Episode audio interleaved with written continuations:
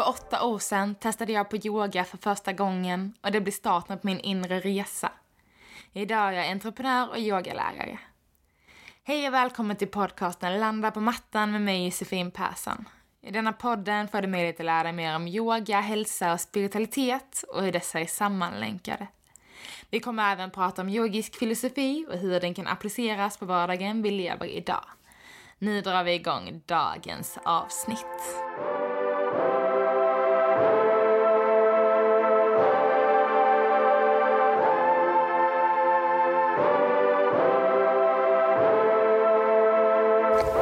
Hej på er!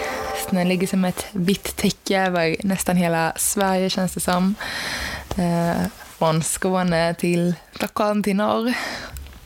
Och eh, vi får ta den här snön och det eländiga med att ta sig fram och se det positiva i att vi får mycket mer ljus. Det öppnar upp, dels så alltså, går vi mot ljusare tider men också att eh, det öppnar upp liksom ljuset och eh, det är inte det här mörka hela tiden utan snön ger verkligen ett ljus. Och vi får helt enkelt ta det positiva med snön. Jag har själv varit eh, helt ja, ah, det är så svårt att ta sig fram. Liksom. Jag cyklar överallt och det är så svårt att ta sig fram nu när det är snö. Man kan knappt gå. Så jag varit lite så irriterad. Så tänkte jag så nej, när jag vaknade i morse, gud det är ändå liksom ljust och fint ute. Snön sprider sitt ljus. Och det är ju januari, vi är ju mitt inne i våra vintermånader. Sen har vi ju lite, litet förskjutning i våra årstider såklart, men eh, det är ju liksom dags för snön och det är ändå kul att det lägger sig. Alla som ute och åker pulka, bygger snögubbar. Ja, det är väldigt härligt att se. Det är en stor glädje med, det här, med den här årstiden på det sättet ändå såklart. Sen kan jag själv tycka att snön är som mest trevlig när man kan vara inne och titta ut på den med en kopp varm choklad och mysa. inte när man behöver vara ute och ta sig fram i den om man inte kanske är i fjällen eller har ett par skidor. Men eh, så är det. Jag hoppas att alla mår bra, att ni inte fryser fast. Det ska ju komma riktig kyla på gång nu så får eh, ta hand om oss men fortfarande se till att ha tid ute och få dagsljuset, ljuset som snön ger. Och imorgon, onsdag, så är det en nymåne i stenbockens tecken. Och stenbocken är ju verkligen ja, men det är så man tar ansvar och man är disciplinerad, mycket så självkontroll, väldigt, ja, väldigt proper liksom, duktig. Men också att man får saker och ting gjorda. Alltså man verkligen, ja men man, man är liksom effektiv och kör på. Och i nymånen så har vi såklart våra intentioner som vi ska sätta och det är första nymånen för året. Och med den här stenbockskraften, så se verkligen till liksom att dina intentioner som du satte, ifall du satte liksom intention för 2021, så se till att verkligen nyttja energin av den här nymånen, att verkligen ta tag i de här intentionerna och börja manifestera dem. Och verkligen så bjuda in den här energin eh, att ta dig framåt, för det är väldigt mycket eh, som den ah, det är liksom väldigt mycket att göra i den här energin. Det är så vi får saker och ting gjorda. Så se till att bjuda in det i din nymåne nu när du liksom sätter intention och verkligen bjuda in det här som en nystart och verkligen köra på. Det är nu det är dags att göra det med den här energin att ta oss framåt och skapa den vardagen som vi vill ha. Så extra mycket liksom göra och köra på och skapa vårt, ja, det livet vi vill ha med den här energin. Och äh, dagens ämne kommer vi fortsätta på våra niyamas och äh, vi kommer prata om santosha idag. Och santosha betyder ju förnöjsamhet. Så att vi ska vara nöjda med det vi har. Inte liksom ha... Men dels är den väldigt kopplad till eh, aparigraha, att inte vara giriga. Men verkligen att så, ja, känna förnöjsamhet, vara nöjda med stunden, vi ska vara nöjda med oss själva. Acceptera saker och ting för vad de är och inte liksom vilja ha mer och mer och mer eller försöka förändra. Liksom, vi ska inte sträva efter något annat utan liksom bara eh, se saker och ting precis vad det är och känna en förnöjsamhet med det helt enkelt. Och det är ju ganska svårt. Med tanke på att vi som personer alltid strävar efter något mer, vi går alltid djupare, vi vill alltid ha mer och det är ju liksom stor del av mänskligheten att vi alltid utvecklas.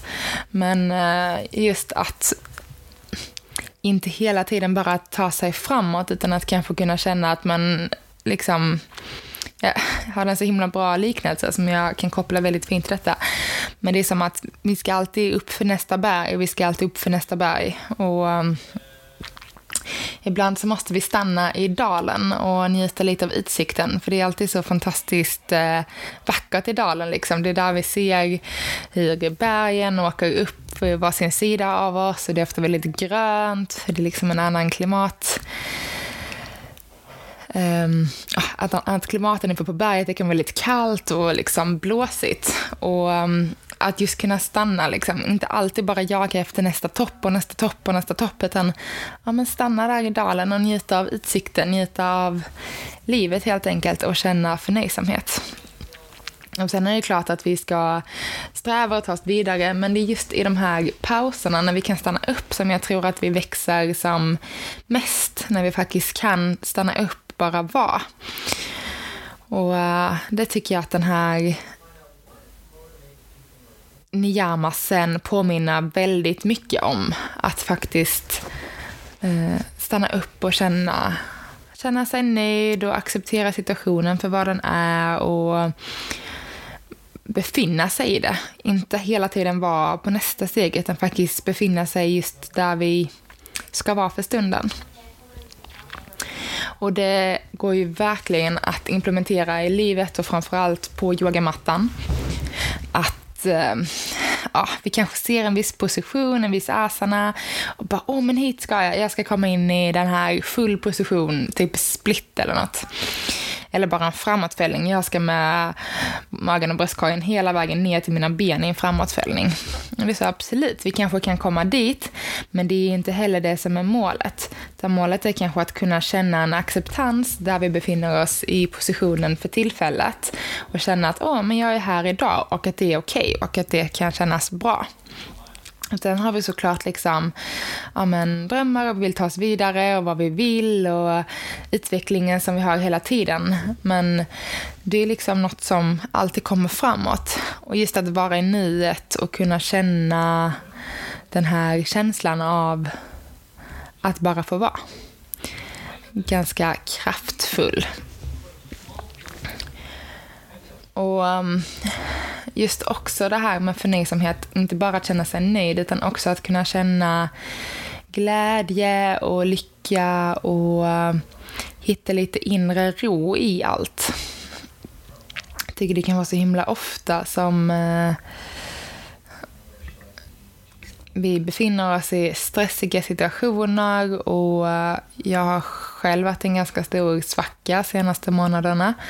Och man blir liksom ganska låg ganska lätt. Men att då kunna hitta de grejerna som höjer ens lycka utan att det ska vara en prestation. Till exempel om jag ställer mig på yogamattan så kanske jag ja, får den här härliga känslan som yoga kan ge. Men bara om jag liksom hänger mig själv, om jag bara låter mig få vara. Inte om jag så ska push, push, pusha och pressa och jag ska göra det här flödet och nu ska jag göra den här ambulansen och jag ska komma framåt och jag ska liksom... Tsch, tsch. Utan att verkligen så, jag ska hitta lyckan och glädjen som jag får i att landa på yogamattan. Och det kanske bara slutar med att jag står och dansar liksom. det är så ofta som vi Mm. vi gör så himla mycket saker utan att se lyckan och glädjen i det. För det är alltid nästa steg som vi ska nå. Och hur kan vi då, förutom kanske, det är ganska lätt att applicera, relativt lätt att applicera på yogamattan, att, menar, att acceptera vår position i den, liksom, hur långt vi kommer och förstå att det är en process. Och som sagt, inte det här med att pusha och sätta massa mål och att jag ska komma in i den här positionen under det här passet, utan att så, men jag yogar för att det är skönt och så får man se vart liksom flödet tar en. Men eh, det kanske är svårare att applicera det här i vardagen. Men det är just också för vardagen är ju det här med att vi ska alltid flytta på berg, vi ska alltid ta oss vidare, vi har ofta någon ja, men vår chef på jobbet, alla uppgifter vi gör på jobbet ska vi rapportera till någon. Det blir liksom en helt annan typ av prestation för vi gör inte allting för oss själva. Och när vi inte gör saker och ting för oss själva så kan det vara mycket svårare att se, eh, liksom att landa i att vi är nöjda för att det är alltid någon annan som vi ska göra nöjd. Någon annan som liksom ska acceptera och säga att eh, ja, men det här var bra eller det här var, behöver förbättras till exempel. Men just då att kanske se att men allt är inte så himla allvarligt. Och eh, det är klart man ska göra sitt jobb och leverera, men eh, man ska inte göra det med liksom att ta på sin egen hälsa eller att stressa för mycket, för det är liksom Ja, ju mer vi stressar, desto mindre får vi gjort. Så är det helt enkelt. Så om vi känner oss superstressade, det bästa vi kan göra är bara sluta göra saker och ting, ta ett andetag och backa. Men just liksom att försöka se saker och ting mera från det roliga perspektivet. Så varför gör vi det här? Handlar det om utveckling? Oftast handlar det om att vi ska utveckla, vi ska leverera någonting. Och hur kan vi vända om på det sättet som vi gör saker och ting på, även om vi gör det för någon annan? Och det är liksom hela tiden se att... att jag kan. Liksom. Att man vet att man klarar av det här, att man vet att man kan göra det.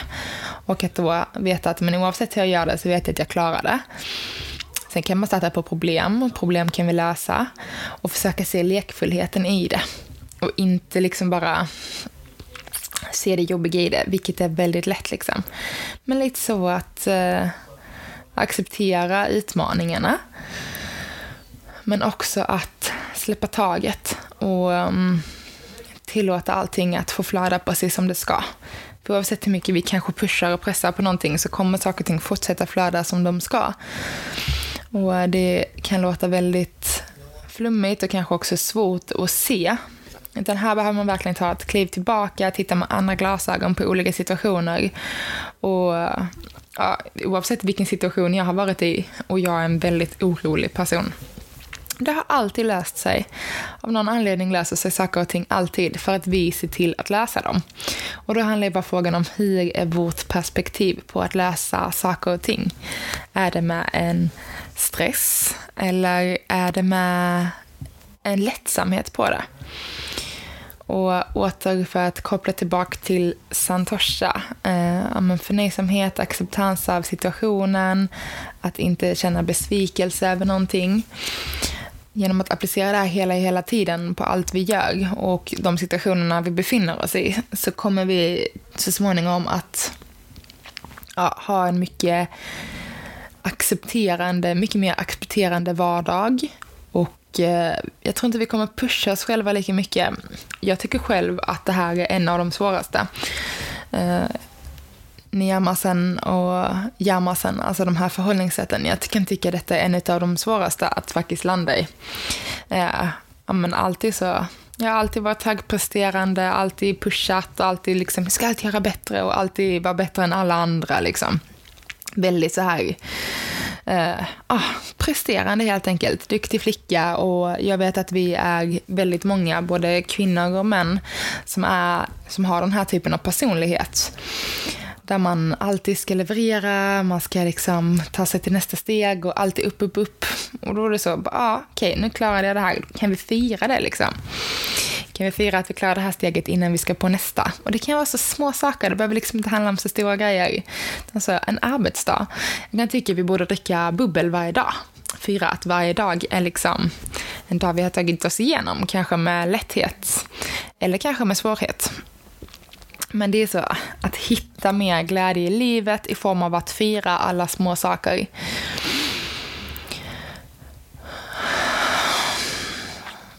Och då kan man ju undra, liksom, vad innebär liksom, vad innebär det att du vill fira någonting för dig?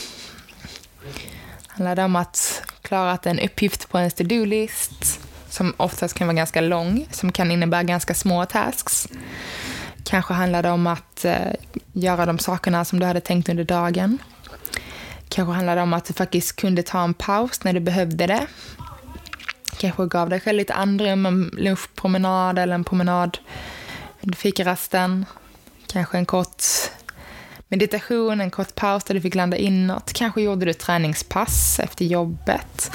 Det är alla de här små sakerna liksom. Och speciellt nu när vi jobbar hemma. Jag tror att vi alla känner, alla jobbar ju såklart inte hemma, men många av oss gör det. Och jag tror att vi kan känna en mycket större frihet genom att vara hemma. Sen såklart ett helt annat ansvar också. Men vi gör ju fortfarande det som behövs och jag tror att det många trivs bra med det här. Sen tror jag absolut att vi saknar kollegor och det sociala. Speciellt många av oss som kanske bor eh, själva eller ah, att det kan bli väldigt tomt och trångt i ens eh, lägenhet eller hus, ens hem beroende på hur många man har runt sig och hur ens vardag ser ut såklart. Alla har vi olika utmaningar och de utmaningarna måste fortsätta få vara på plats liksom. Men att vi hela tiden ändå kan se att de alla små mål vi sätter upp över dagen, att de, de, de är liksom värda att fira. Om inte annat med ett leende. Mer leende och glädje i livet. Och att acceptera en situation för vad den är kan ehm, också ge ett helt annat synsätt på saker och ting. Att dels inte vara för attached till, som, till någonting, att vi inte ska vara för kopplade till eh, en viss sak på ett visst sätt. Utan att vi kan acceptera att oavsett hur den här situationen kommer vara, hur utmanande det kommer vara, så kommer det fortfarande vara ett, något som vi måste acceptera. Och jag tror också verkligen det här med att, men att kunna acceptera det, få ett annat synsätt, det kommer också få oss att växa som människor. Så jag tror det kan vara bra att försöka ändra sin syn på saker och ting. Eh, och helt enkelt ja, känna en, en santosha i det. Att känna att ja, men jag är nöjd med den här situationen som den är, jag accepterar situationen som den är och uh, kanske framförallt att liksom hittade, eftersom niyamas handlar mycket om ett förhållningssätt som vi har mot oss själva. De här fem sista är liksom mot oss själva, de fem första är utåt. Men att verkligen liksom kunna känna att, att man kan känna en förnöjsamhet inombords. Att men jag är nöjd med mig själv med det här. Och att känna det inåt och att det inte är något som alltid måste förmedlas utåt.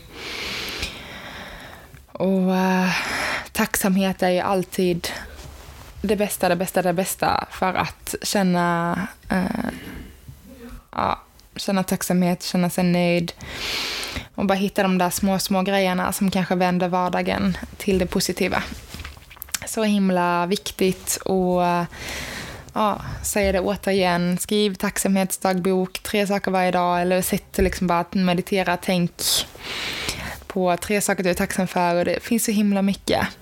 Och just att känna liksom tacksamhet och vara nöjd med de grejerna, att vi har dem i våra liv Det kommer göra att vi kommer hitta mycket mer balans och ro i eh, livet och i, ja, i flödet som liksom pågår hela tiden.